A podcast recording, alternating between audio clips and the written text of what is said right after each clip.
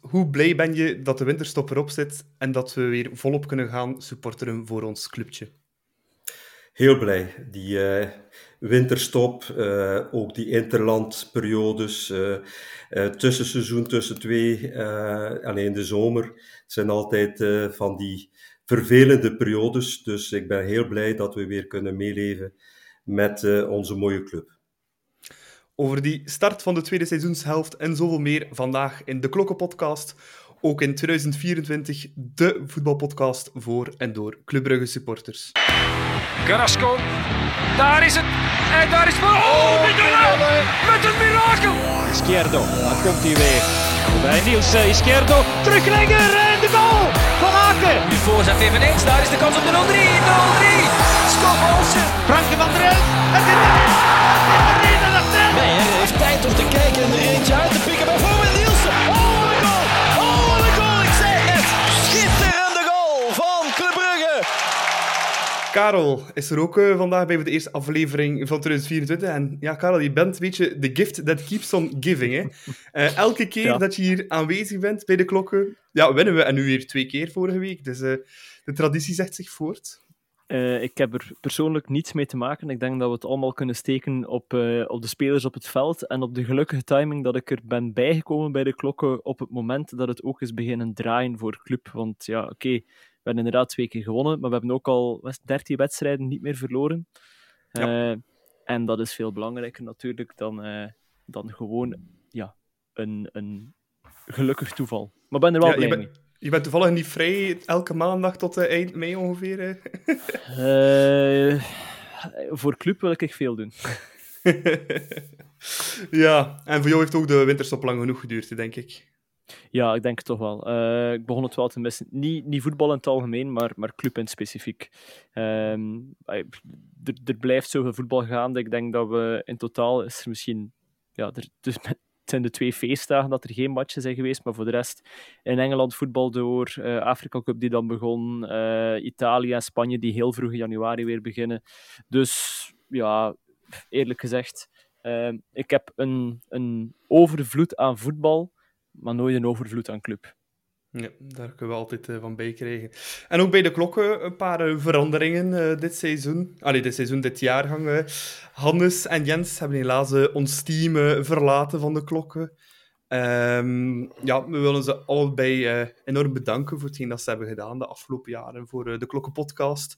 Uh, ja, ze hebben er veel tijd in gestoken, maar dat lijkt soms een beetje moeilijker te combineren dan anders. En als je andere dingen in het leven gaat doen, en, dan is het niet altijd even makkelijk om te blijven podcasten. Dus bij deze Hannes en Jens nog eens super bedankt om erbij te zijn. Um, wie dat heel vaak op de achtergrond bij ons werkt, Rob die altijd de video's monteert en dergelijke, die gaan jullie wel in de komende weken uh, ook te horen krijgen. Dus die krijgt uh, bij wijze van spreken een beetje een promotie. Dat is gewoon een extra rol eigenlijk voor, uh, voor Rob. Dus die gaan jullie ook nog kunnen horen. En de rest van het team, dat is dan uiteraard nog mezelf, Hans en Karel die hier zitten, Nico, Matthias, Thibaut, William en Rob. Dan uiteraard ook. Dus ook bij de klokken een paar wintertransfers, maar ook nog geen inkomende. Dus dat is misschien misschien iets voor uh, deze zomer. Um, Hans, ja, het uh, begon goed dit jaar voor club. Uh, eerste wedstrijd. ja, in de Gelamco Arena voor de beker, de halve, sorry, kwartfinales. op voorhand een heel moeilijke wedstrijd. Gelukkig bij Gent wat ontbrekende, maar ja, we zitten toch wel mooi in die halve finales en nog een keer gewonnen in, in Gent. Ja, we zitten in een goede periode. Dus ik had gevreesd eind vorig kalenderjaar dat onze goede flow door die winterstop misschien ge gebruskeerd zou worden. Maar uh, zeker die eerste helft op, uh, op Gent was heel sterk, zeer dominant. Zeker die eerste 25 minuten. Ehm, tweede helft wat minder. En ja, tegen Westerlo was het gewoon een heel volwassen prestatie. -hmm.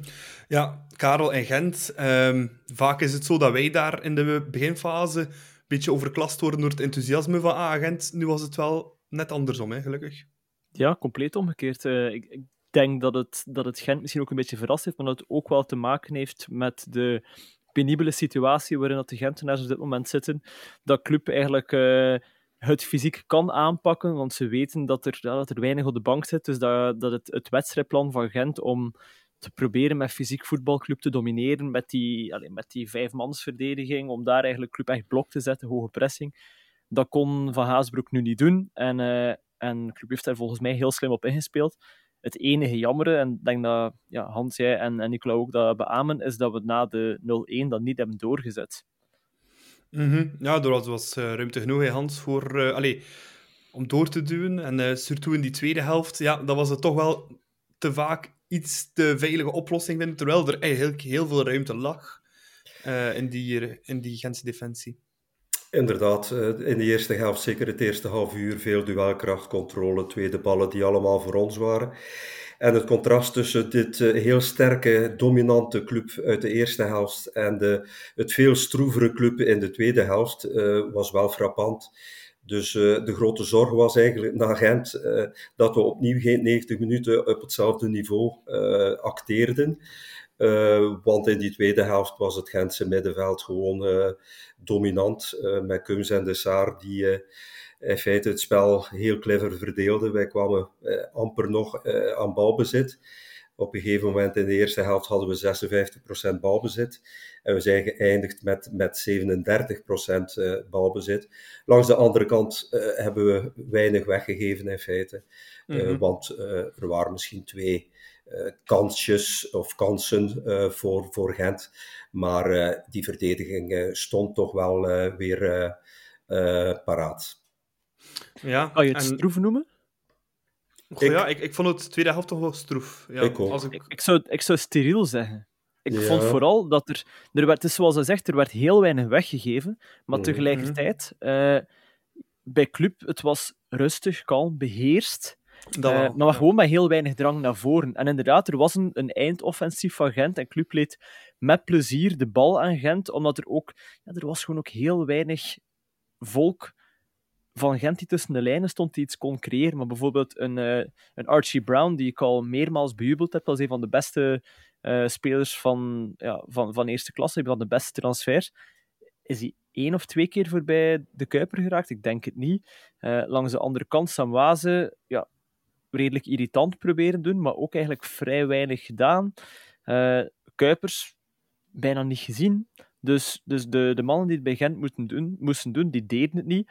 Kums en de Staar zijn een, zijn een goed middenveld, maar ja, Gerkens die speelt gewoon standaard anoniem. Dus ja, Gent kwam gewoon niet in zijn spel. Club eh, liet, het, liet het toe en, en leek gewoon eigenlijk bewust op de rem te gaan staan. En het enige dat ik mij dan, waar dat je het stroef kunt noemen, waar dat je negatief over kan zijn, in mijn opinie, is het feit dat als we dan de bal hadden en als we dan ten aanval gingen, dat het heel vaak ging het naar de flankspelers, naar Nusa, naar Skov.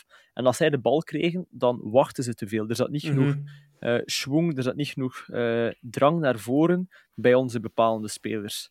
Ja. Want Thiago was wel hard aan het werken. Nee, ehm, ja, stroef, inderdaad. Vond ik toch ook wel een beetje. Ik volg Hans er wel in. Eh, maar inderdaad, zoals Karel ook zei, ja, te weinig schwung. Hè, vaak die actie dan niet gemaakt wordt. Eh, dat paasje naar achter, dat, dat heeft frustreren me wel een beetje. Dat we dan niet die extra stap kunnen zetten om ja, toch nog op zoek te gaan naar dat tweede doelpunt. Ja, ze Ja, waren langs de andere kant. Sorry. Nee, zeg maar, Zand. Zeg maar. Ja, langs de andere kant vond ik toch dat Club zich geprofileerde als een stugge ploeg, eh, moeilijk te ontwrichten.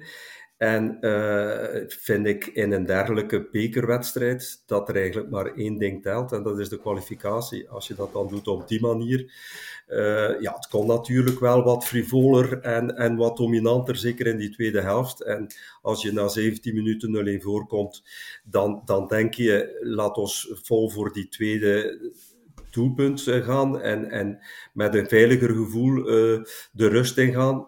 Maar die tweede kwam dan niet. Zoveel kansen hadden we ook niet. Ehm, maar de kwalificatie is eh, op het einde van de rit het belangrijkste.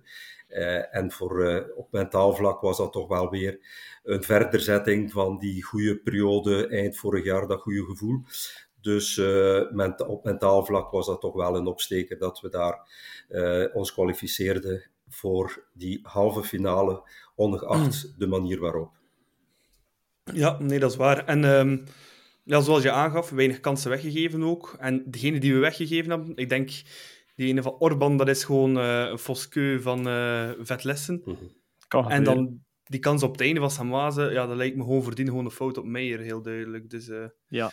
hetgeen dat we dan weggegeven hebben, ja, komt oftewel door pech, oftewel uh, foute arbitrale beslissingen. Ja, misschien dat hij wel op was teruggekomen als hij effectief binnen was geweest van Samoaze, maar... Uh...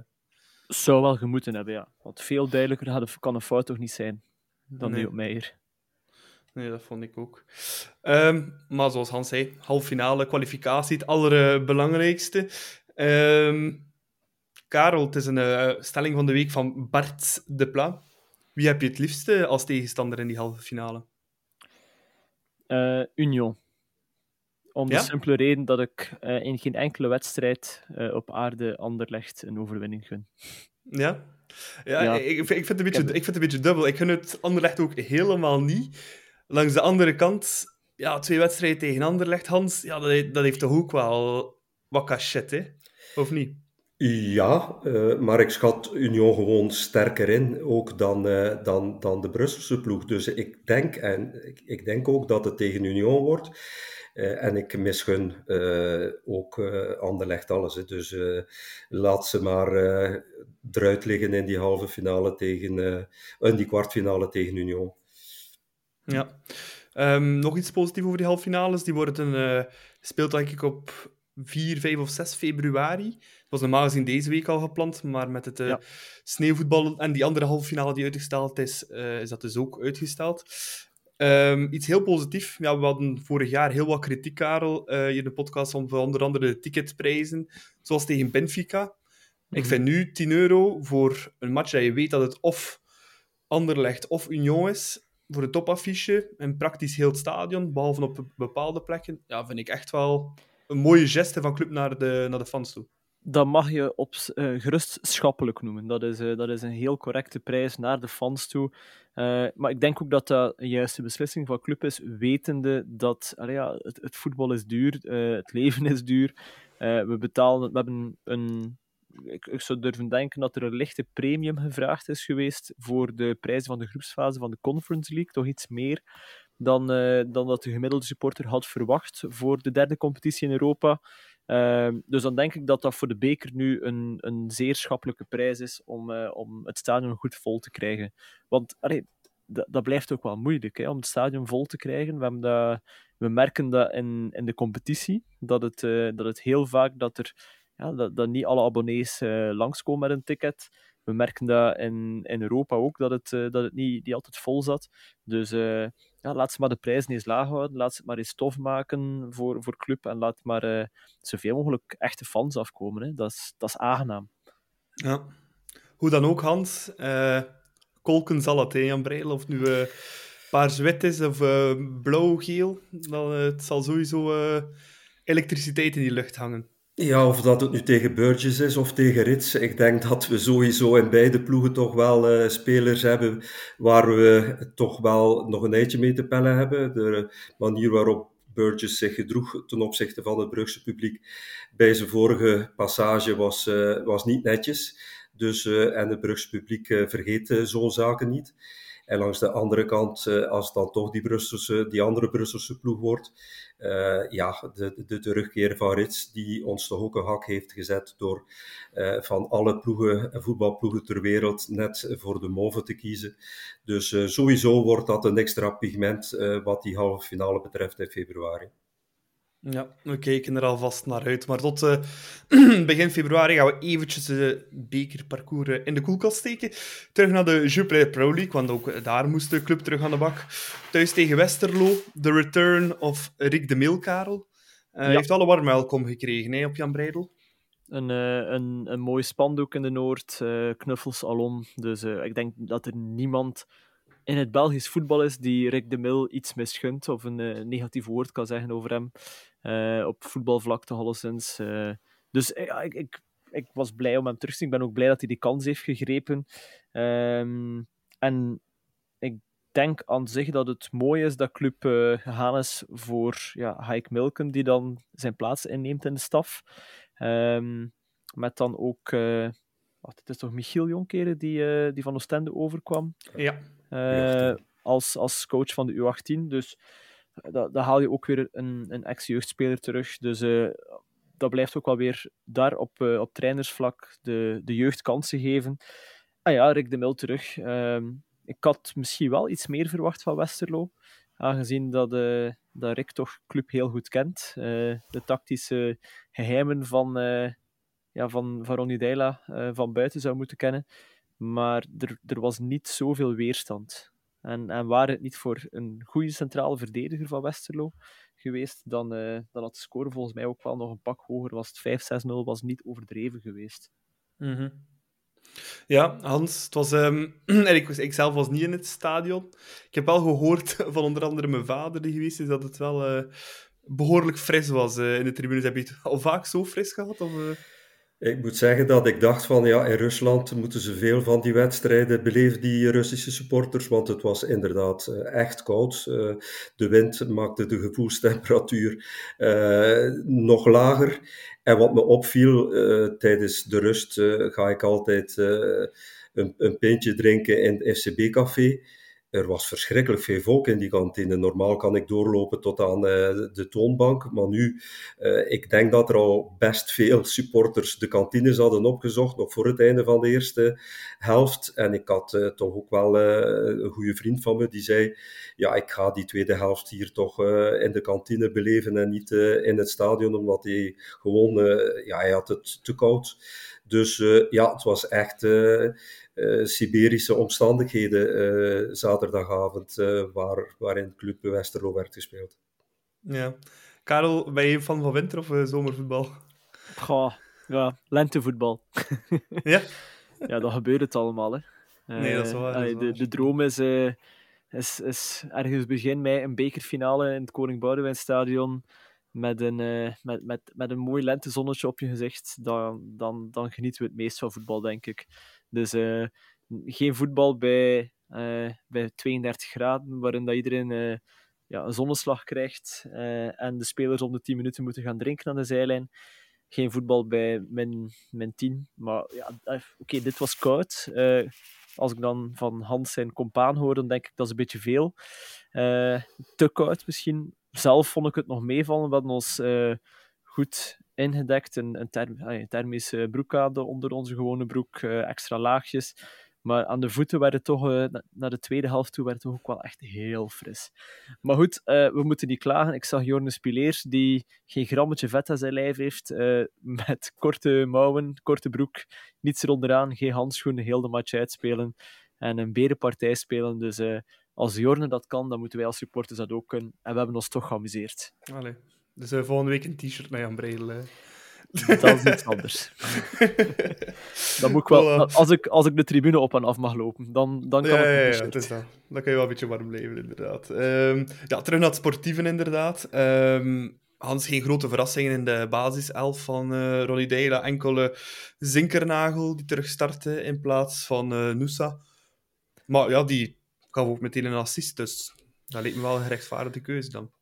Ja, langs de andere kant vond ik toch de opbouw uh, via die kant, via die uh, rechterkant, het minst dreigend. Uh, en dat was omdat hij een vrije rol had. de eerste kwartier kwam hij amper aan de bal in feite, Zinkernagel. Je zag hem niet, alles vertrok via de rechterkant en, en, en, en het, het tandem ehm, Maxime de Kuiper en Skov Olsen. Maar langs de, de, de kant van Zinkernagel kwam er in feite weinig gevaar. Tot die plots in minuut 37 die, uh, die assist uh, aan Igor uh, gaf, waardoor we 1-0 voorkwamen. Ik heb wel twee keer vijf minuten druk van Westerlo gezien, zeker in het begin van de wedstrijd, en, en, en dan na een half uur. Maar eens die 1-0 op het bord stond na 37 minuten, hadden we alles onder controle. Uh, veel balbezit, uh, goede balcirculatie.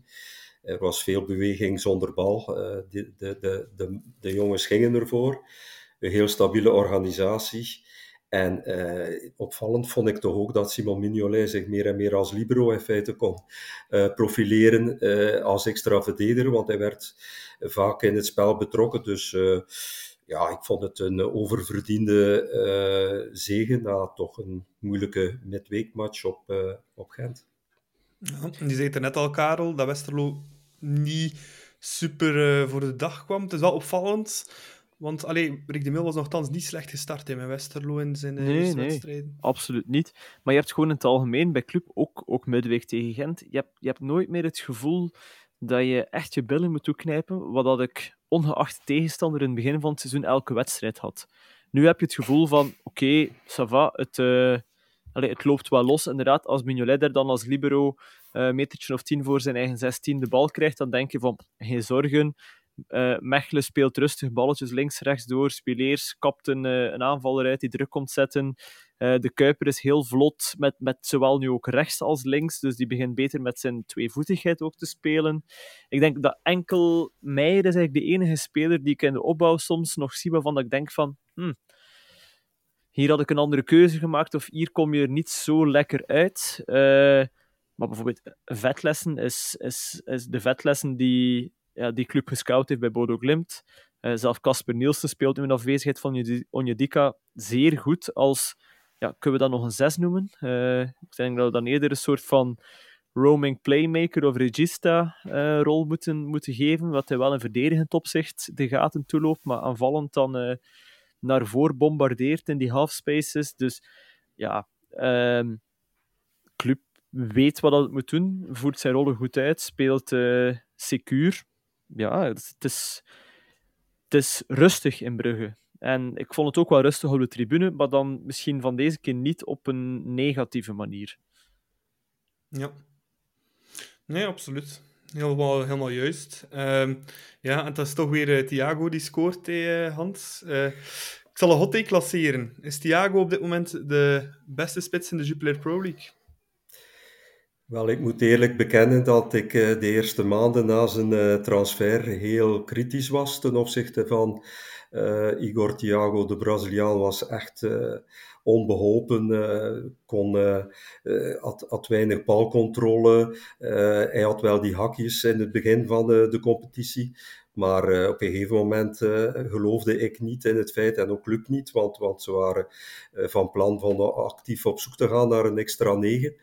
Uh, maar plots dan toch uh, blijft, blijkt hij te ontbolsteren en, en, en, en scoort hij nu aan de lopende band. Ik geloof 15 doelpunten in de laatste 10 wedstrijden over alle competities heen.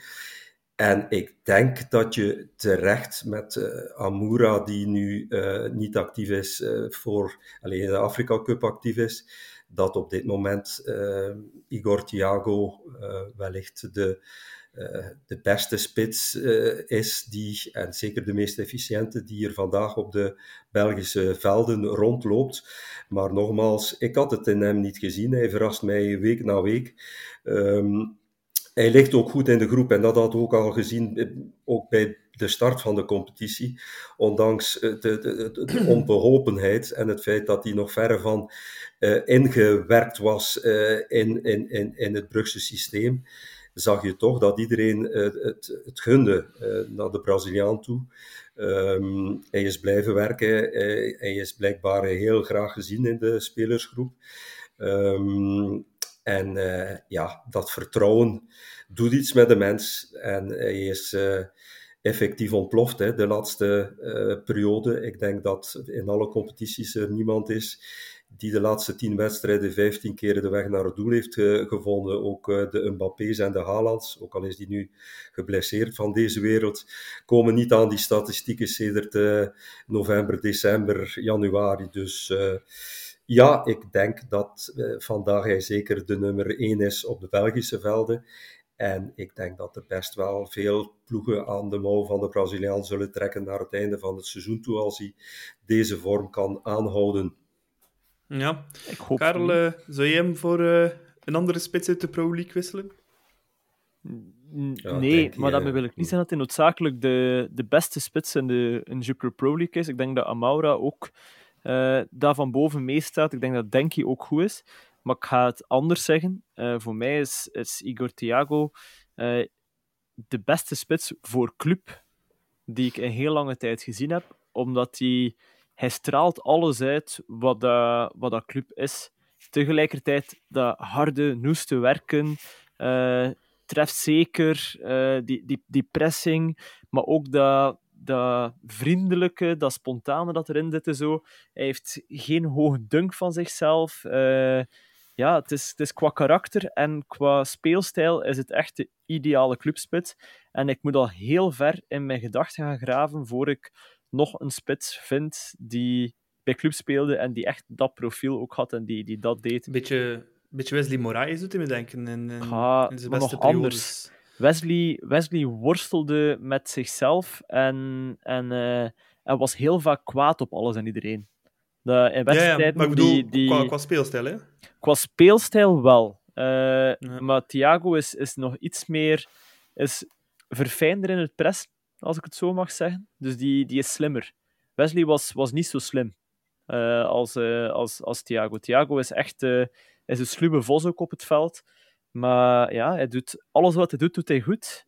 En de dingen dat hij dan minder goed kan, dat hij in, het begin van het seizoen veel probeerde, maar dat mislukte, die zaken lukken hem ofwel nu, ofwel doet hij ze bewust niet. Ja. Dus hij gaat ook niet te lang de bal bijhouden. Hij neemt de bal aan, draait zich weg en lokt oftewel een fout uit, oftewel speelt hij de bal goed in naar Hans, Skof, Noosa of Sinkernagel. En dat is, ja, dat is, dat is zalig om te zien. Ja, één En ik zou van niet verkopen. Nee, nee, dat ook niet. Want één mini-puntje van kritiek misschien op Thiago. Ja, die tweede strafschop is eigenlijk gewoon slecht getrapt. Hè. Eh, hij heeft, Ja, heeft maar eigenlijk heel veel geluk dat hij binnen gaat. Die twee op Molenbeek waren eigenlijk ook niet eh, Ja, schitterend. Hè? Dat Dus, vond ik eh, ook. Hij heeft het geluk aan zijn zijde, hij heeft eh, vertrouwen, hij straalt dat uit. Hans heeft duidelijk eh, die verantwoordelijkheid eh, aan, aan Igor Thiago gegeven. Na, ja, na waarschijnlijk een aantal eh, mindere penalties van hemzelf. En ook waarschijnlijk omdat hij op eh, het trainingsveld ziet dat hij de, ze er vlot binnentrapt, die, die penalties, Igor Thiago. Ehm, hij heeft het geluk aan zijn zijde. Hij zit in de periode ehm, dat alles wat hij doet eh, eigenlijk meevalt en, en lukt.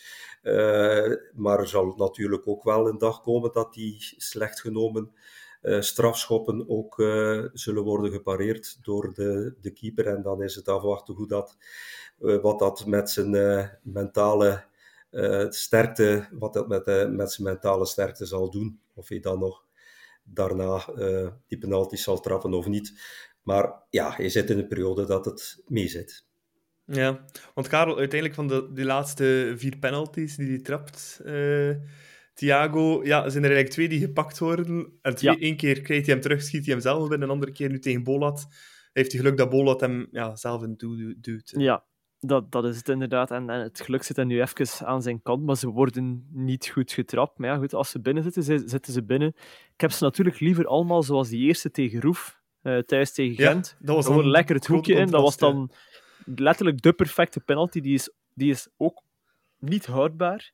De enige manier waarop dat je die kan stoppen als keeper is als je al daar in de hoek gaat gaan staan. Maar ja, dat, dat kan je ook niet doen. Maar als je de bal daar plaatst, geen enkele keeper kan eraan. Te snel, Nee. eh, te hoog. Dus ja, ik zou ze allemaal zo willen zien. Maar zolang dat ze binnengaan, laat, ja, laat dat maar doen. En ook als hij eens mist. eh, Hans heeft het zelf ook, denk, ik, in Shotcast gezegd dat hij, eh, dat hij vorig jaar er ook een paar mist. En dat hij dan niet zat van, "Pff, het is aan andere mensen om te trappen. eh, ik moet ze niet allemaal trappen. Het is ook gewoon goed voor het vertrouwen van, van Thiago, dat hij daar gewoon wat extra goaltjes kan meepikken. Hij zit nu aan 13 goals. Dat is nog drie achter, denk ik. Het zou heel mooi zijn moest Club Brugge nog eens de topschutter afleveren. Want ik, Dat eh, ik denk dat zal van Jelle Vossen geleden zijn. Oeh, is hij nog een keer eh, topschutter geweest? Ik dacht dat hij bij ons eens topschutter was, maar, maar, maar maar 15 goals of zo. Ik Ja, ga- of Diaby kijk, misschien nog eens. Die er ook hier heel veel gemaakt. Of het zou kunnen Diaby zijn. Ja, ik ga, ik ga het opzoeken. Praat gerust Ja, verder. want, want we hebben een paar minuutjes eh, weten, eh, weten te zeggen. Ehm, maar overal, Hans, die tweede helft van Club, die was wel zeer sterk. Hè? Ehm, allee, een pak beter dan die eerste ook, vond ik. Ja, van zodra dat die eh, 2-0 binnenging, eh, dan wist je in de 65e minuut dat de match gespeeld was. Ik heb me wel geïrriteerd aan eh, de wedstrijdleiding. Laforge, die, eh, die ging mee met eh, wat Westel toepaste, namelijk het tempo uit de match halen, zeker de eerste helft. Ehm, en en hij, paste weinig, eh, Laforge paste weinig het balvoordeel toe. Dat was wel irritant, want, Club wilde voetballen en hij beloonde in feite de aanvallende i- intenties van, eh, van Club niet door telkens de partij stil te leggen. Dus in de tweede helft eh, heeft hij dat wat minder gedaan. Eh, dus eh, het, het, was een vlotter spelbeeld. Er, er waren veel meer voetballende minuten dan in de eerste helft. Ehm, en de sfeer was eigenlijk best oké in, in de tweede helft. vanuit de Noordboven werden toch bijna constant liedjes gelanceerd die ja. quasi massaal werden opgepikt door de rest van het stadion. Dus ik vond voor een club Westerlo een, een, een mindere wedstrijd, thuiswedstrijd, dat, dat, dat de sfeer best goed was, ondanks de, de, de barre winterse weersomstandigheden. Ehm, denk ik dat iedereen met een goed gevoel uh, naar huis ging uh, na, na die 3-0. Mm -hmm. Ja, die 3-0 dan nog, uh, Karel. ja, ja. Noosa scoort. Weet je dat hij dat eigenlijk mag doen, die bal nog binnen tikken, als hij oh, weet ja. dat hij er binnen gaat van Hans? Bij, bij Hans van Aken mag je dat doen. Ja, wat ik juist zei. Ik denk dat hij heel blij mag zijn dat Hans is. En de Hans heeft van, boeit me niet. Laat maar, laat maar gebeuren. Uh, even nog ertussen. Het is van 2012, 2013 met Carlos Bacca, geleden dat Club de, de topschutter heeft afgeleverd. Ja, kijk. Uh, met hoeveel doelpunten? wel heel veel...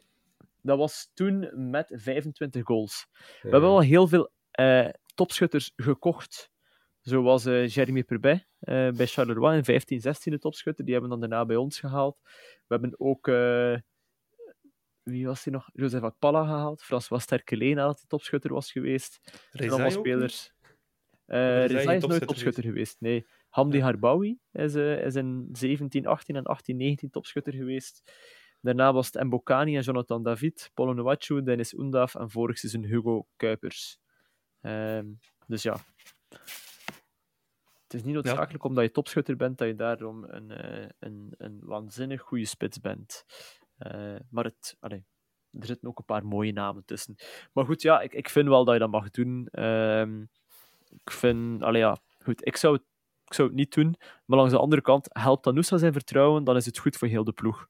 Want Noosa, ja, dat is geen dat we zeggen. Noosa moet een beetje aan zijn cijfers werken. Uh, het is ook nog jong, hij wordt er 19 in april. Dus, uh, dus laat hem, maar, uh, laat hem maar wat goaltjes maken. En als Hans hem kan helpen om wat meer doelpunten te komen en wat vertrouwen te winnen, dan komt dat ook heel de ploeg te goede. En dat weet Hans volgens mij ook. Ja. Wat ik er ook nog op postreven heb, uh, Hans, is uh, een goede invalbeurt van uh, Mikael Skoras. Verdient hij niet stilletjes aan wat meer speelminuten? inderdaad, die is goed ingevallen. Heeft dan ook bij die eh, grote kans op een doelpunt. Die bal nog af naar Jutgla, die net buiten spel stond. Uh, die bracht inderdaad uh, meer dan Skof in die tweede helft. Um, maar wat ik wel positief vond, dat we voor het eerst sinds lang nog eens met een sterke bank konden uitpakken. Want daar zaten naast Balanta, Skoras en Jutgla ook nog Noosa. Dat is een tijdje geleden. En wat me vooral opvalt is dat club uh, Deila die teamspirit daar toch wel in gekregen heeft. En die traditionele ploegfoto vanuit de kleedkamer is wel, denk ik, symptomatisch voor uh, hoe het momenteel loopt en hoe het wijgevoel werd aangescherpt, ook onder andere op het oefenkamp.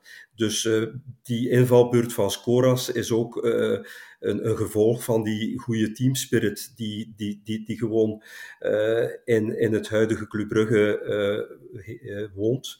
En, en dat vertaalt zich in gretigheid, vastberadenheid, vertrouwen. we zijn een ploeg geworden die gemakkelijk scoort en, en, en moeilijk een, een tegengoal incasseert.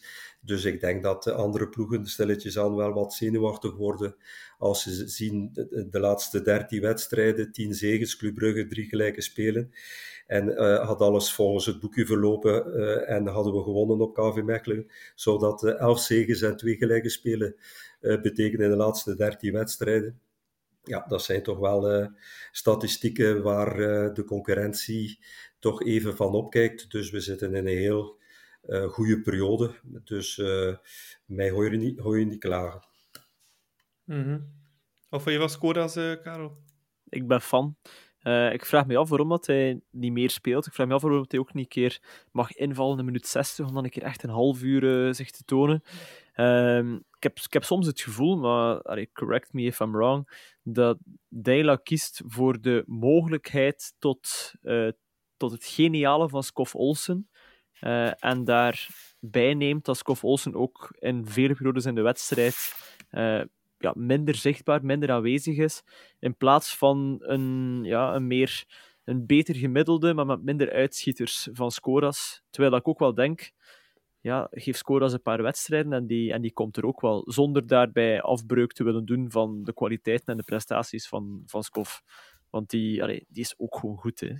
Dus het, ja, het zit hem daar een beetje. Ik denk dat we, ja, dat we nu gewoon moeten durven zeggen dat we ja, bijna alle posities twee goede opties hebben. Met Jutgla als backup van Thiago, met Skoras als backup van Skof, met uh, Nusa en Zinkernakel die elkaar afwisselen. Ja, voor Van Aken heb je, heb je geen backup nodig. Uh, Vetles, Niels en Onjedika zijn drie goede opties voor twee posities in het middenveld. En dan achterin hebben we ook nog altijd vier flankverdedigers. En, uh, en ja, officieel vier centrale verdedigers, maar laten we eerlijk zijn, drie. Drie, ja. Over uh, die mogelijke transfers gaan we het uh, ja. hebben. Uh, om uh, het stukje Club Westerlo af te sluiten. Wie was voor jou, Hans, de, de man van de wedstrijd, de, de MVP? Maar ik was weer gecharmeerd door de manier waarop dat Hans het, spelletje en, en die ballen verdeelde, het spel verdeelde. Maar Nielsen en Vetlessen voor mij waren dat toch wel de mannen op het middenveld die het verschil maakten, want de flanken vielen mij een beetje tegen. Er kwam echt weinig van, uh, van Skoras en, en uh, van uh, Skof en Zinkernagel. Ook toen Skoras en Nusa invielen, ja, Skoras wel, oké, maar Nusa weinig dreiging. Dus dat kon beter. Dus voor mij waren de, de, de drie middenvelders toch wel en Spileers heeft toch ook wel weer een heel stevige ja. uh, prestatie geleverd. Dus die wil ik er ook nog bij halen als, als vierde man. Ja. Meijer vond ik de, de minste. Ja, daar ben ik mee akkoord, denk ik. Uh... Oké. Okay. Ja. Ik, ik, we missen wel één speler in deze opsomming. Igor Thiago. Ah, ja, Igor Thiago. Ah, Thiago natuurlijk. Ja, ja, ja. bedoel, allee, los van zijn goals. Het is bijna een gewoon de manier waarop hij speelt is, is zalig. Dus heel die, heel die centrale as, wat we een tijd niet gehad hebben. Vroeger was het, allee, vorig seizoen, begin van dit seizoen, waren het onze flanken die eigenlijk bepalend waren voor club en die altijd voor een meerwaarde zorgden. Nu hebben we weer Thiago, Van Aken, Vetlessen en dan Onjedika of Nielsen, en Spileers en Mechelen, Mignolet. Dus heel die centrale lijn presteert degelijk tot goed in elke wedstrijd. En dat, doet, ja, dat bepaalt eigenlijk altijd het succes van club. Een goede centrale ja. as. Ja, dat is ook, uh, daar ook jaren op geteerd in met Vormer ja, ja. van Aken. Uh, en dan een goede centraal duo. Ja. Uh, dan, dat was Mechelen altijd met het die er stond. Ja, Mechelen met Engels. Mechelen met Daly. Altijd Mechelen met Kosunu. Iemand die altijd terugkomt. Mechelen met Sila. Godverdomme, dat blijft hier gaan. Duarte, Duarte was Misschien nog even, ja. Ja, is, is ook goed geweest. Fantastisch sympathieke mens ook, maar ja. uh, misschien in vergelijking met de anderen die daar stonden, net iets uh, minder hoog qua niveau. Ja, kijk. En zo besef je maar eens hoe lang Brandon Mechelen eigenlijk al bij club bezig is. Uh, Kijk, als je al die namen opzomt. Alright, het is eind januari bijna. we zitten midden in de Mercato ook. Ehm, mijn club ja, nog niet uh, een orkaan gepasseerd, maar toch uh, hier en daar wat. Uh, eerste speler die vertrokken is. Uh, dat is uh, Tajan Buchanan, TJ Buchanan. Karel, ik ga jou eruit pikken om erover te praten. Want ik weet, toen dat we hem hier in de klok hem ooit hebben aangekondigd, heb je nog een fragmentje van ons ingesproken. Ja. mensen die dat willen terugluisteren, yes, yes, scroll gerust door de afleveringen. Uh, toen kwam die van de MLS, de competitie die jij vaak volgt. Ja, um, heeft die voor jou de verwachtingen uh, kunnen inlossen, eigenlijk. Uh, wat, had je er, heb je gekregen wat je ervan verwacht had van Tajan Buchanan? Nee, ik had er meer van verwacht. Uh, en ik denk dat mijn grootste teleurstelling bij TJ zit in het feit dat hij zich zo vaak heeft laten meeslepen door zijn eigen emoties. Dus TJ is een, allez, was voor mij een, een prototype clubspeler, omdat hij heel energiek is, heel ja, heel veel drive toont over die volledige flank, durft dribbles aan te gaan uh, en dan ook nog een keer een, een redelijk goed eindproduct heeft. En als je naar de highlights gaat gaan kijken van TJ bij Club, dan zie je dat dat eindproduct er wel in zit. Maar het grote probleem dat ik heb, is dat hij in te veel wedstrijden ja, niet op de afspraak was. En dan ook nog een keer, we hebben hem gehaald, dat was eigenlijk een soort van rechtsmidden. Dus, dus allee, aanvallende wingback of een verdedigende rechtermiddenvelder. Um, we hebben hem een beetje overal gespeeld. Die heeft linksback, rechtsback, links voor, rechts voor gestaan. Maar hadden we misschien iets meer in een 3-5-2 gespeeld, dan hadden we misschien meer uit TJ Buchanan gehaald. Maar ik denk dat hij, toen dat we hem kochten, was het ideaal voor het systeem dat we wilden spelen. En toen dat hij kwam, was dat systeem eigenlijk al een beetje weg. Dus daar zit het, uh, zit het issue een beetje in voor mij. Dat eerste halve seizoen onder Schreuder was goed. En dan uh, ja, daarna weer minder. Maar tegelijkertijd, jonge speler, uh, die kwam uit een, uit een andere competitie met een, een zeer groot verschil op vlak van verdedigen. Want, van, want hoe graag ik de MLS ook heb, er wordt daar minder secuur verdedigd dan in België. En heel veel aanvallers zeggen dat ook, dat ja, dat de Belgische competitie een van de moeilijkste competities is voor aanvallers. Dat heeft Buchanan echt wel gemerkt. Um, dus ja, het, het mocht iets meer zijn, maar ik snap ook wel de redenen waarom het er niet uitgekomen is, wat er had kunnen uitkomen.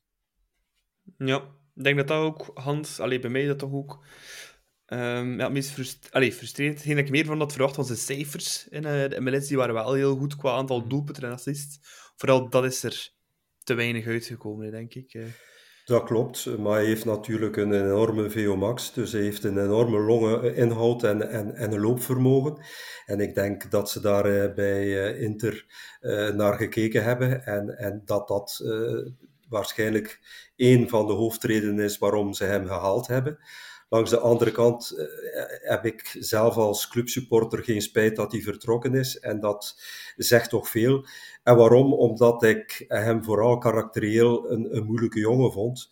Ik heb hem nooit weten lachen. En ik herinner mij die confrontatie met de clubsupporter toen hij uit zijn wagen stapte na een verloren wedstrijd. Uh, de manier waarop hij daar omging en, en zich als een, uh, ja, een dikke nek in feite gedroeg dat vond ik alles behalve ten opzichte van die uh, clubsupporters. Dus uh, het, is er, het potentieel is er zeker niet uitgekomen bij Club Brugge. Hij droeg zich een beetje als een vedette. En uh, voor mij, uh, ik zeg niet dat het een miscast was, maar het was niet, zijn profiel paste niet karakterieel volledig bij onze mooie club, vind ik. En ik denk dat die zijn mentaliteit uh, zal moeten veranderen uh, om te slagen in de Serie A. want ik denk dat het vooral in zijn hoofd soms niet goed zit. Hij, mm. hij, ik heb altijd het gevoel gehad dat hij zich niet goed in zijn vel voelde bij Club Brugge. Misschien zal de Italiaanse zon hem wat meer gaan inspireren en hem blijer maken, maar ja, ik, eh, ik vond hem vooral op karakterieel vlak een tegenvaller, een beetje irritant hoe hij reageerde als iemand hem onderuit haalde. Ehm, dus hij, uh, hij had natuurlijk zijn snelheid en zijn technisch vermogen, maar het is er te weinig uitgekomen en die statistieken spreken voor zich. Ja, ik ga over zijn, uh, sorry, ja, ik ga over zijn karakter ga ik deels akkoord. Uh, maar langs de andere kant heb ik wel zoiets van in Amerika kennen ze dat totaal niet zo op die manier. Uh, er is totaal geen. Uh, ja, de supporterscultuur van in Amerika is, is minder rauw, uh, minder oprecht ook dan, dan hier. Maar er gaat bijvoorbeeld nooit iets gebeuren in de MLS dat een, dat een supportersgroep spelers gaat gaan, gaan aanspreken na een wedstrijd of gaat eisen dat ze, dat ze uitleg geven. Dus ik kan me wel voorstellen dat er voor hem een soort van cultuurshock ook geweest is. Maar tegelijkertijd vind ik wel ook van ja, uh, hij moet zich daar ook wel een klein beetje aanpassen. En als, het, als hij hier al issues had met hoe dat supporters soms reageren en hoe dat het op het veld er soms aan toe gaat, dan wens ik hem wel succes in de Serie A, waar dat supporters van, ja, uh, ja als, zeker als speler met een, uh, met een andere donkere huidskleur, hij gaat dingen naar zijn hoofd krijgen van, van tegenstanders. Uh, hij gaat niet gesteund worden daarin, ook door, uh, door zijn eigen uh, tifosi. En ja, ik, hopelijk kan hij, kan hij dat naast zich neerleggen en, en, en het zijn prestaties niet laten beïnvloeden. Want Italië is op vlak van support en op vlak van uh, ja, sluwheid van verdedigers, uh, trucjes van verdedigers, is het toch nog een niveautje moeilijker dan België. Ja, Sorry, zal er ook geen elleboogjes de... moeten, uh, moeten gaan uitdelen. Uh, nee, nee, nee, nee, nee, nee, nee. In, in de Daar, dan, dat staan dus refs paraat. Ja, ja sorry, je wou nog iets vragen, Nicola. Nee, nee, nee. Um, ik wou eigenlijk vragen, want het zijn veel mensen, waaronder uh, Nico van Halen, die meerdere malen in onze WhatsApp-groep gezet en die hem wel om de een of andere reden zien slagen bij Inter. Dat wel. Bij de top van Europa eigenlijk dat hij heeft. Wat de top van Europa is, dat, ja, dat weet ik sub, niet. Champions League finalist van vorig jaar, hè? Ja, ja. Maar het is... Ja, Inter is Champions League finalist van vorig jaar. Uh, is dat af en toe wel vergeten. Ja. Uh, maar uh, Buchanan kan voor Inter in zo'n ploeg een utility player zijn. Als je kijkt naar Dumfries, Dumfries is goed, is fysiek indrukwekkend. Als je kijkt naar Di Marco op de linkerflank, uh, die heeft bepaalde aspecten die heel goed zijn, maar geen een van de twee gaat ooit genoemd worden als er een lijstje gemaakt wordt van de beste linksachters en rechtsachters ter wereld. Ze zitten er niet in de top 5 of in de top 10 van. Dus kan Buchanan een, uh, een, een speler worden die van waarde is voor Inter? Ja. Denk je dat hij daarom gaat uitgroeien tot een speler die gerekend wordt tot de beste ter wereld? Dat hij in één adem gaat genoemd worden met de Hakimi, uh, met de Kyle Walker? Dat denk ik dan weer niet. -hmm. Ja, de toekomst zal het uh, moeten blijken. Maar in elk geval veel succes, TJ in uh, Inter. Het leuke is wel dat hij in blauw-zwart uh, blijft voetballen. Voilà. Um, een andere transfer die mogelijk nog aan zit te komen, ja, is een hele grote, misschien zelfs een van de allergrootste ooit voor club. Uh, Hans, het nieuws kwam binnen dat uh, Tottenham Hotspur aan de mouw aan het trekken is van onze geliefde Antonio Nusa. Maar de voorwaarden zou... Allee, Nusa zelf wil sowieso het seizoen uitdoen bij club. En dat lijkt me al sinds de meest positieve kant van het verhaal toch wel. dat hij sowieso nog een, helft, een half seizoen bij club gaat blijven dan. Ik denk dat je als 18-jarige speelminuten moet maken. En ik denk dat die kans uh, er meer in zit bij een club die nog op drie fronten actief is dan bij, bij Tottenham, uh, waar je waarschijnlijk zou moeten wennen aan die nieuwe Engelse cultuur en die trainingsintensiteit. Um, we hebben Nusa bij Stabek voor 3 miljoen toen hij 16 jaar was weggekocht. dat bleek al bij Club Next een goede investering te gaan worden. En het is nog geen afgewerkt product, hè. het is een groeibriljant. En een van die echt jonge, beloftevolle spelers met een groot potentieel. En blijkbaar zien die scouts van die topploegen in Europa dat potentieel en zijn ze bereid om daarvoor te betalen, ondanks het feit dat die statistieken van Antonio vandaag nog niet die dat zijn. Dus een constellatie waarbij um, Tottenham en Levy 30 à 35 miljoen uh, neertellen en met de afspraak dat hij bij club mag blijven tot het einde seizoen. Daar sta ik wel achter. of dat het nu Tottenham wordt of Chelsea of een andere Premier League club. je weet, Noren en, en de Premier League, dat is een eh, ik, ik werk voor een Noors bedrijf, daar zijn ze allemaal, ofwel voor Liverpool of voor Tottenham, die volgen allemaal een ploeg in de Premier League en zelf actief. Uh, dat ze met het vliegtuig naar Engeland vliegen om die te volgen. Dus uh, dat hij uh, bij een Premier League club zal terechtkomen, stond in de sterren geschreven.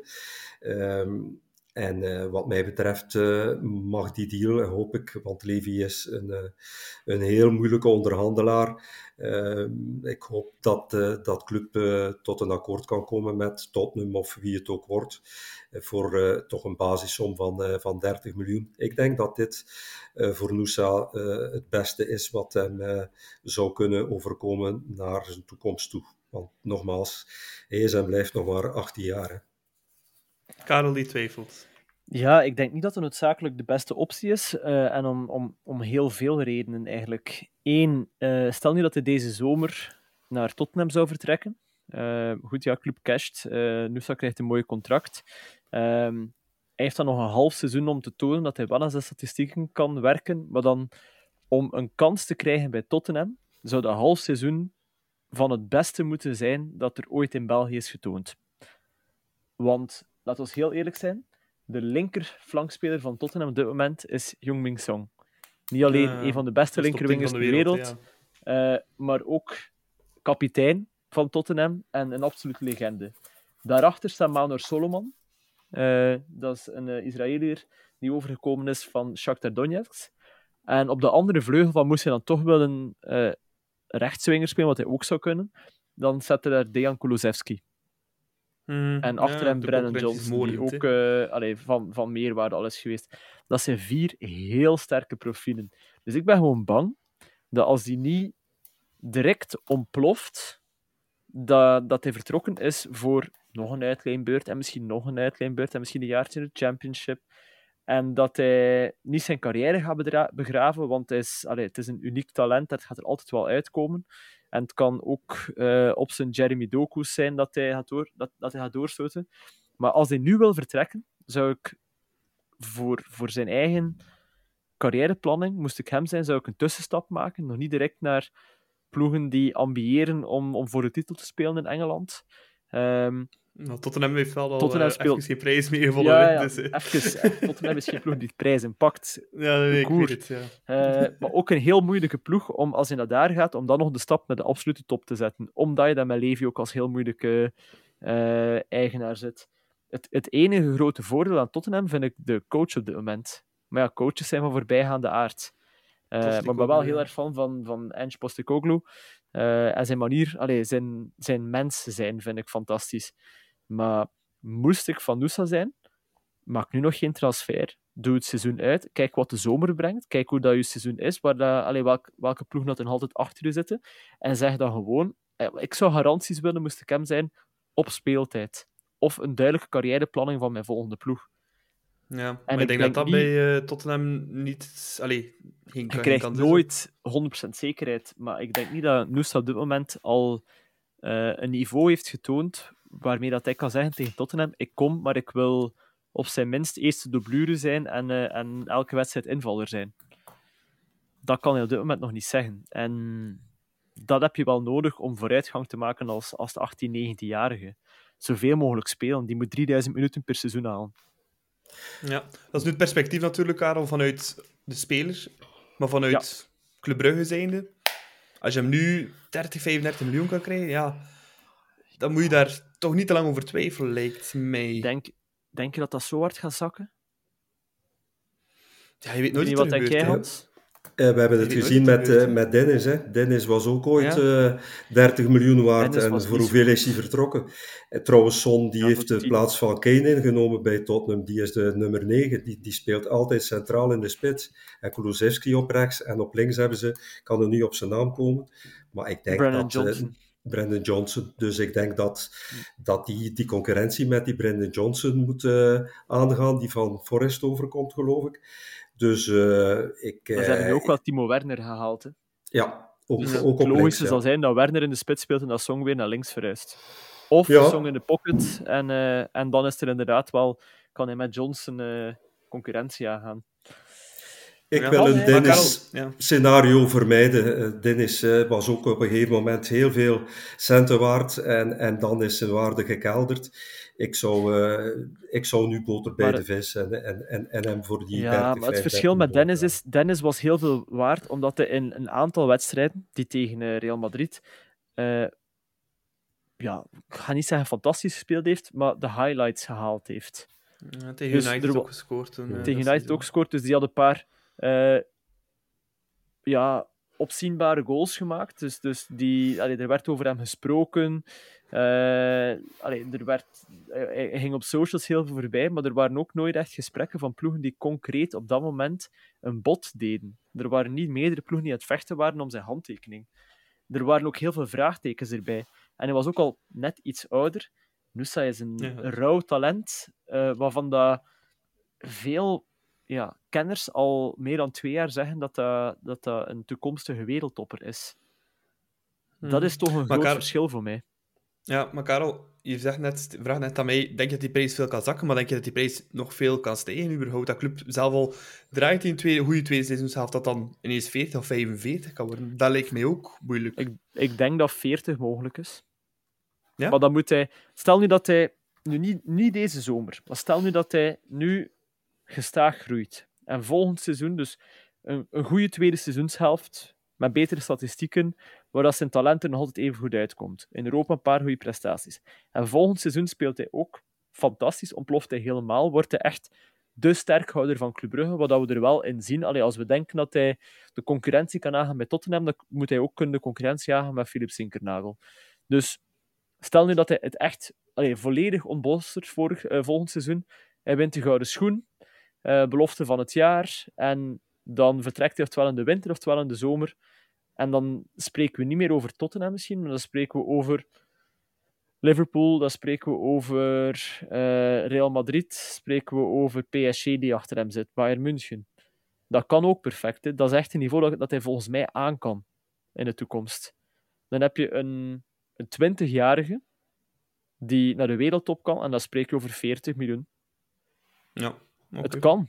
Dus ik vind het verschil met hem nu te verkopen aan Tottenham, om daar dublure te worden voor 30 miljoen, uh, of de kans te hebben dat hij een absolute, alleen dat hij een van de beste spelers wordt die ooit bij club gespeeld heeft, en op het moment dat hij er was, niet nadien, zoals bijvoorbeeld een Ivan Perisic, die super was bij club, maar die pas nadien echt wereldtop is geworden. Die kans zou ik niet laten schieten om dat te proberen. En stel nu dat hij, dat hij niet onbolstert, dan kun je hem deze zomer of volgend jaar nog altijd voor 20, 25 miljoen verkopen.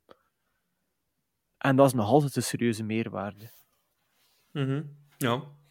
Het zal, de toekomst zal het uh, moeten uitwijzen. En uh, heel benieuwd hoe dat dit uh, stukje, ja, ook deze Mercato nog gaat verder gezet worden. Ja.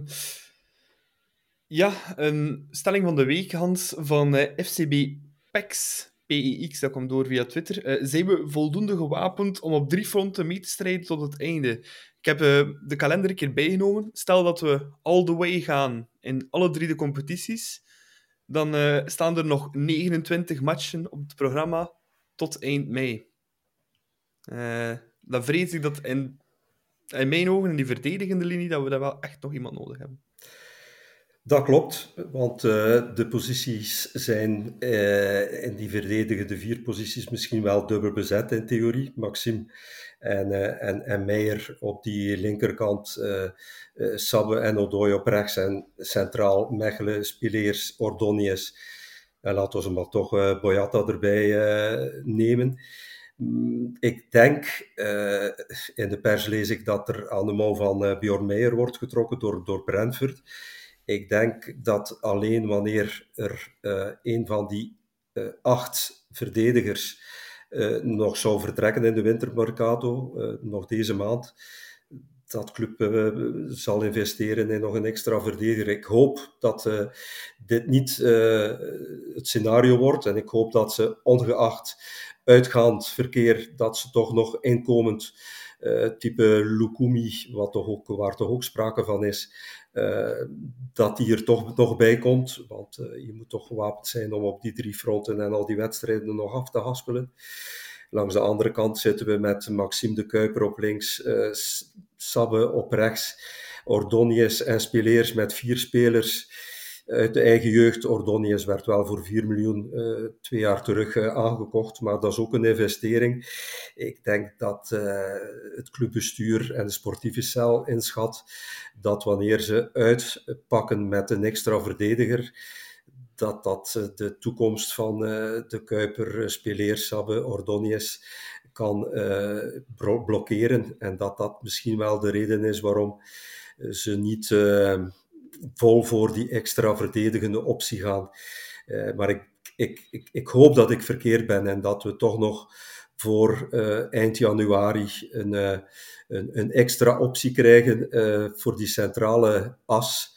Um, want die spoeling met Mechelen, Speleers, Ordonius, gele schorsing, blessure is toch wel dun. Dus, maar ja, nogmaals, wij hebben het niet in handen. Als er nog uitgaand iets zou gebeuren, zie ik zeker ons nog versterken. Uh, indien er niks meer gebeurt, vrees ik dat er ook niks bij komt. Maar ja, we hebben nog een weekje, zullen we moeten wachten op nog een, eh, een, een negen dagen, moeten we afwachten. Ja, Karel, eh, dat zijn ook de... Hetgeen Hans zegt ook een beetje de geluiden dat we binnenkrijgen van binnen de Ja. club. Ehm, ja, blijf het een risico vinden. Hè. Allee, Ja, stel er iets het. gebeurt met Spileers of Mechelen, heb je een gigaprobleem. Hè. Mhm. Want ja, Ordonez is, eh, is relatief zelden fit al geweest dit seizoen. Dus dat is een dingetje. Eh, Ja, en ook die komt nog maar net piepen. Hè. Je kunt die niet ja, ja, ja, alle matchen eh, 90 minuten laten voetballen. Hè. En zelf al geloof je dat hij... Allee, stel nu dat er iets met Spileers gebeurt, dan kan ik me voorstellen dat de club zegt van geen probleem, Ordonez kan een paar wedstrijden na elkaar spelen, dat gaat geen groot verschil zijn. Ik vind dat Spileers trouwens enorm aan het groeien is, dus Spileers Mechelen is voor mij voor Club Brugge op dit moment een goed defensief duo.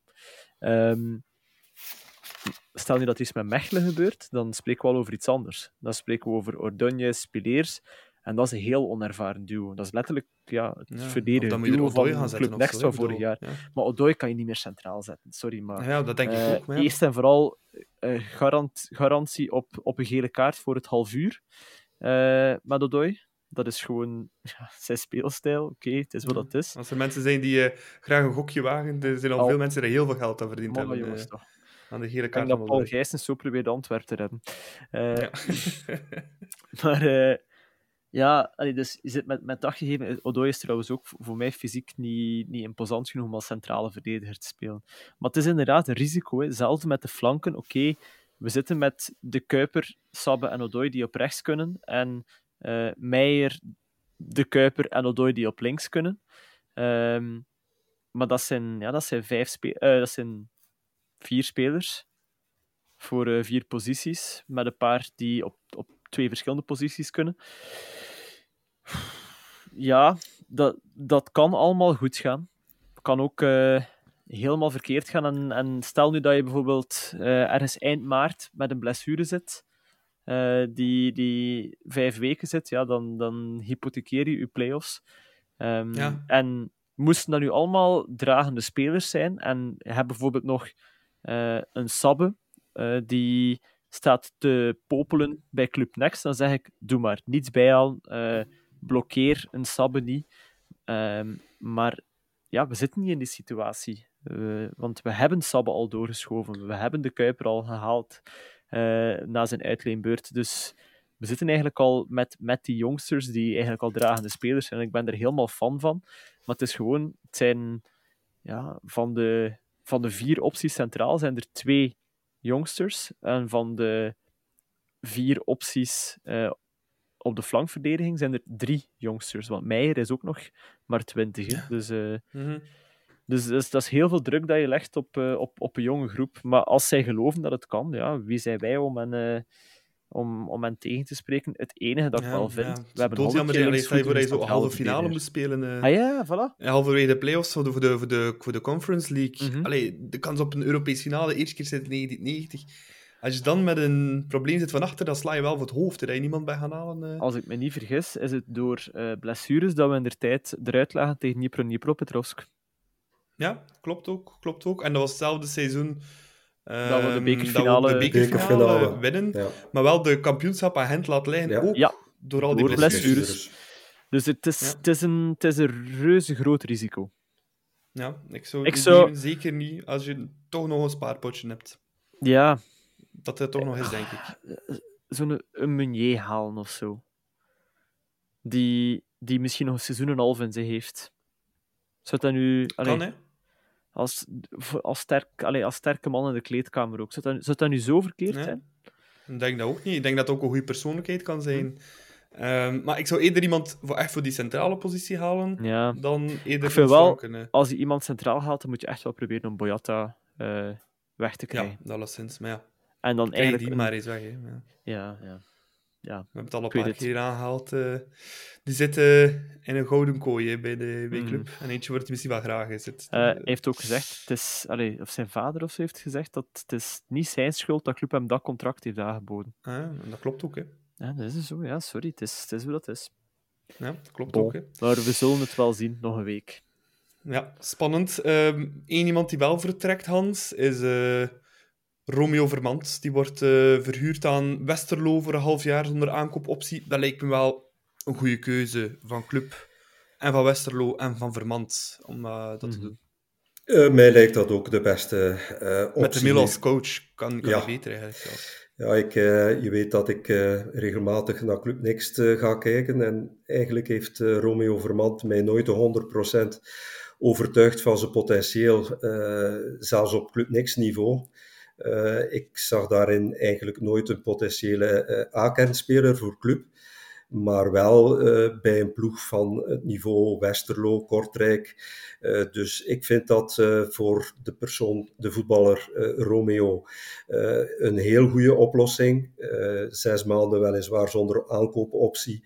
Hij zal dan op minuten maken, want dat is een knelpuntpositie bij Westerlo, bij de campzonen. Dus voor hem een goede oplossing, want... Um, bij het eerste van club zou wij toch niet direct uh, minuten maken. Daar zijn Thiago, Jutkla net uh, allee, veel, veel beter.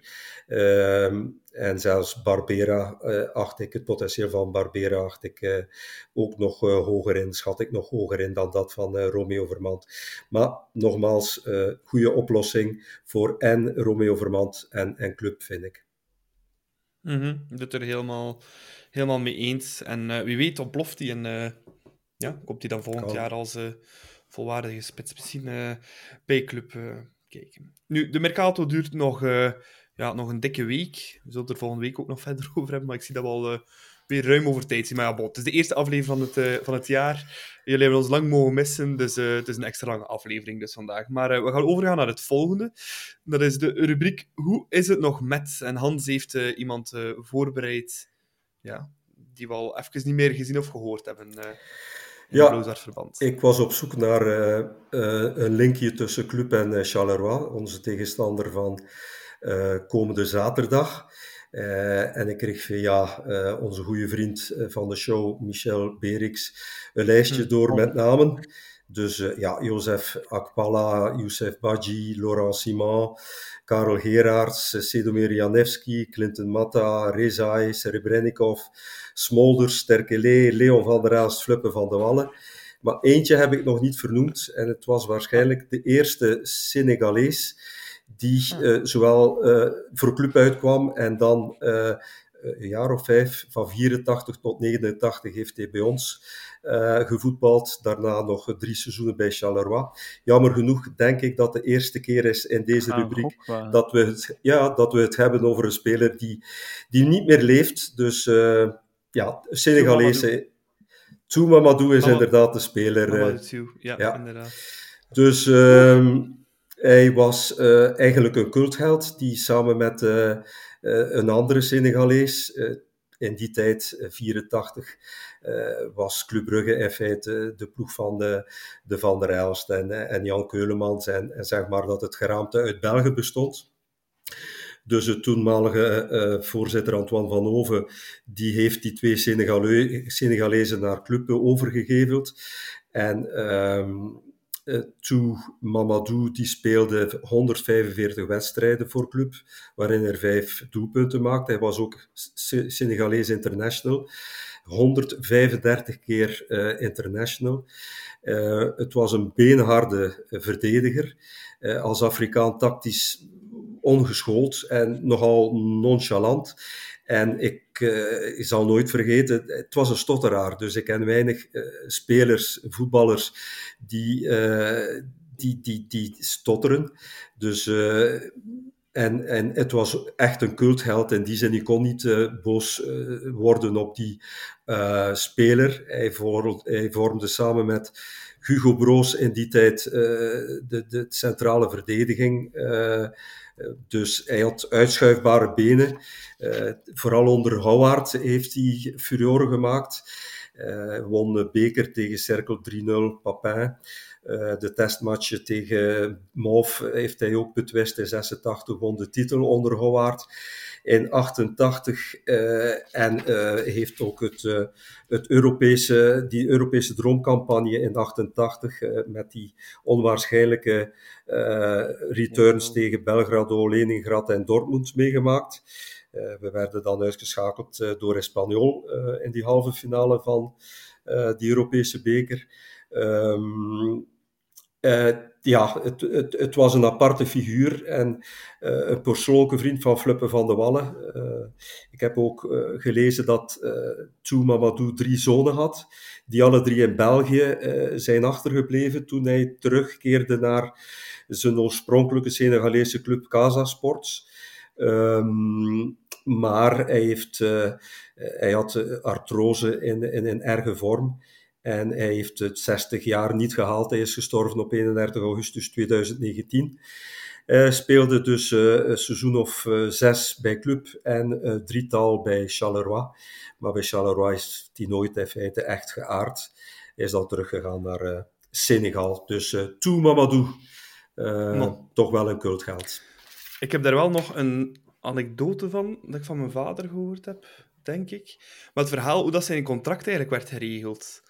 Uh, omdat dat niet mocht volgens de regulering. Allee, het was alleszins iets wetmatig. Um, en ik denk dat Geuze Saint-Louis toen sponsor was van club. En als ik het goed voor heb, is Mamadou um, dus ingeschreven geweest als werknemer bij um, Van der Honste, hoe noemt hij van de eigenaar? Van, van Honzebroek, van, van de eigenaar van Kasteel, van Kasteelbier. Van Kasteelbier. Ja, ja. Ja, werd hij daar ingeschreven als arbeider. Hij speelde dan voor club. En in ruil daarvoor uh, kreeg hij de shirt-sponsoring. Ja, zo kunnen. Op de Brouwerij van Honzebroek. Dat was, zo, dat was zo een hele rare constructie van hoe dat die Senegalezen naar België brengen. Ik denk dat het uh, nieuwe mensenhandel zou zijn, maar in die tijd kon dat blijkbaar nog. Ja, dat zijn de verhalen dat ik ook even gehoord over. Uh... Alles, uh, alles was toen nog iets amateuristischer. Om, uh, als we dan toch over, over, ja, over Van Honzenbroek spreken en, en, en de shirtsponsoring van toen. Mijn schoonmoeder heeft dus in de jaren tachtig een van de shirts van Club ontworpen. Ze had niets met Club te zien, maar op een of andere manier, ze was toen leerkracht plastische opvoeding in Gent. En, en er werd haar gewoon gevraagd, via via, uh, club heeft nog geen shirtje voor, uh, voor komend seizoen. Uh, zie je dat zitten om dat even te ontwerpen om een keer te doen met, met het logo van, de, van Bacchus op, op, op het shirt. En zij heeft dat toen ontworpen. Andere tijden. Het kwam, naar, kwam ja. naar boven toen ik, toen ik hier een foto van, van Toe Mama Doe zag. Dus ja. Ja, ja, exact. Ja. En ja, blijkbaar is die, ja, die constructie, ik weet niet, mijn vader heeft het helemaal uit verteld, maar dat was dus zo dat Mamadou ingeschreven was bij uh, Kasteelbier op de loonlijst daar. Dan stond dat moest club hem niet meer betalen of zo. En dan uh, kregen zij de sponsoring op de shirts. Ja, dat waren van Geweldig. die toestanden. Uh, het zou niet meer kunnen, maar het is wel cult om te horen nu. Maar ja. kijk, toe Mamadou, helaas inderdaad ook al niet meer onder ons, maar inderdaad een gigantische cultspeler van vele, vele, vele fans. Leuk om hem er nog een keer bij te hebben, want ja, inderdaad, zoals Hans zei, bij Charleroi gespeeld. Onze volgende tegenstander. Um, Karel, ik denk niet dat ik lieg als ik zeg dat we Charleroi op een goed moment treffen, want die zitten wel een beetje in de hoek waar de klappen vallen en zijn niet, niet super bezig. Hè? Al heel het seizoen. Ja, ik weet die, maar ja, nu in de laatste, de laatste paar matchen helemaal. Hè. Ja, ja. Het is echt aan het wegzakken. Ik, hè. ik denk in het algemeen dat, dat die ploeg is... Uh, ja, is gebouwd voor een hopen op een tiende plaats, maar eerder uh, plaats 12, 13. Zo dat randje van play-off 2, play-off 3. Um, dus ja, we treffen ze op een, op een goed moment uh, langs de andere kant. Ik denk dat we thuis ja, zijn we achtergekomen. Uh. Uh, en hebben we dan 4-2 gewonnen. Um, toen waren ze ook niet goed, maar dat hebben ze ons ook wel nog knap lastig gemaakt. Dus ik hoop dat we er nu ja, vlotter van mogen winnen. Maar we hebben wel veel leuke verplaatsingen naar Mamboer gehad. Dus uh, laten we uh, maar. En Zorgan is er niet bij, die is geschorst. Dat, dat helpt. Al, uh... Dat helpt. En Koffie is naar de Afrika Cup, uh, Knezevic ja. ook. En Ilai Mahitra is heel geschorst. Dus dat zijn toch vier. Dat is heel een middenveld wel, ze. Ja. Dus, Zorgan en Mahitra. Ja. Ja, en Hans, jij gaat uh, naar Mamboer uh, komende zaterdag. Dat is wel een leuke away. Hè? Als ik aan veel supporters vraag wat is je favoriete away, dan komt Charleroi daar heel vaak in voor. Ook gewoon omdat ze, ja, je krijgt de hele tribune. Hè? Het is het grootste uitvak in België. Dus ik denk dat daar 2000 uh, supporters in kunnen. Ik dacht gelezen te hebben dat de Sportsfederatie 1200 tickets heeft gekregen, omwille van veiligheidsredenen. Ik heb geen ticket van die 1200 bemachtigd, maar ik zit naar goede gewoonte in tribune L, in de hoofdtribune aan de kant van de clubsupporters aan de cornervlag. Um, dus ja, dus ik, ik ben er aanwezig met een aantal vrienden zaterdagavond. Dus het is altijd een leuke away. Um, hebben we goede herinneringen aan. Onder andere die, ja, ik noem het de titelwedstrijd, ook al werd die dan uh, die titel afgedwongen op standaard. Maar toen we daar 1-3 gingen winnen, was dat een fenomenaal leuke wedstrijd. Um, dus uh, ooit dus, 0-4 meegemaakt, vier keer Gert Verheyen. Dus Charleroi ligt ons wel. Er zijn jaren geweest dat we het daar echt moeilijk hadden. En daar stevast met 1-0 of 2-1 verloren. Maar dat is nu volledig gekeerd. Dus ik zie er wel naar uit om die verplaatsing te maken zaterdagavond. Ja, en als je nog andere mensen van de, de klok wil spotten, ik denk dat zowel Matthias als Thibaut ook in datzelfde vak als jij zullen zitten, Hans. Dus mm -hmm. als er fans zijn die ons een keer willen ontmoeten, het is het moment dat je weet waar ze te vinden de komende zaterdag in uh, Charleroi. Um, afsluitend doen we altijd met een pronostiekje. Karel, Charleroi, Club Brugge. Uh, 0-3. 0-3. Hans? 0-2. Ik ging hetzelfde zeggen, maar ik ga dan toch voor iets anders moeten gaan. 0-8 dan. Um, wat blieft? 0-8 dan. 0-8, ja.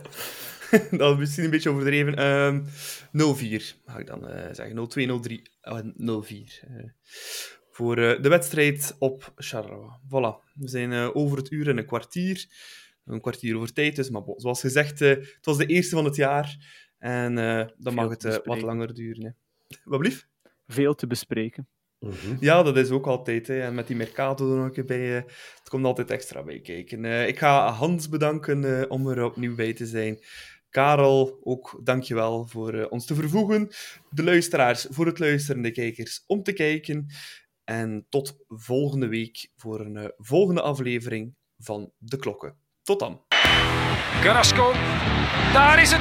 En daar is voor. Oh, Mignolet! Met een mirakel! Izquierdo, dan komt hij weer. Bij Niels eh, Izquierdo, terugleggen en de goal van Aken. Nu voorzet eveneens, daar is de kans op de 0-3, 0-3.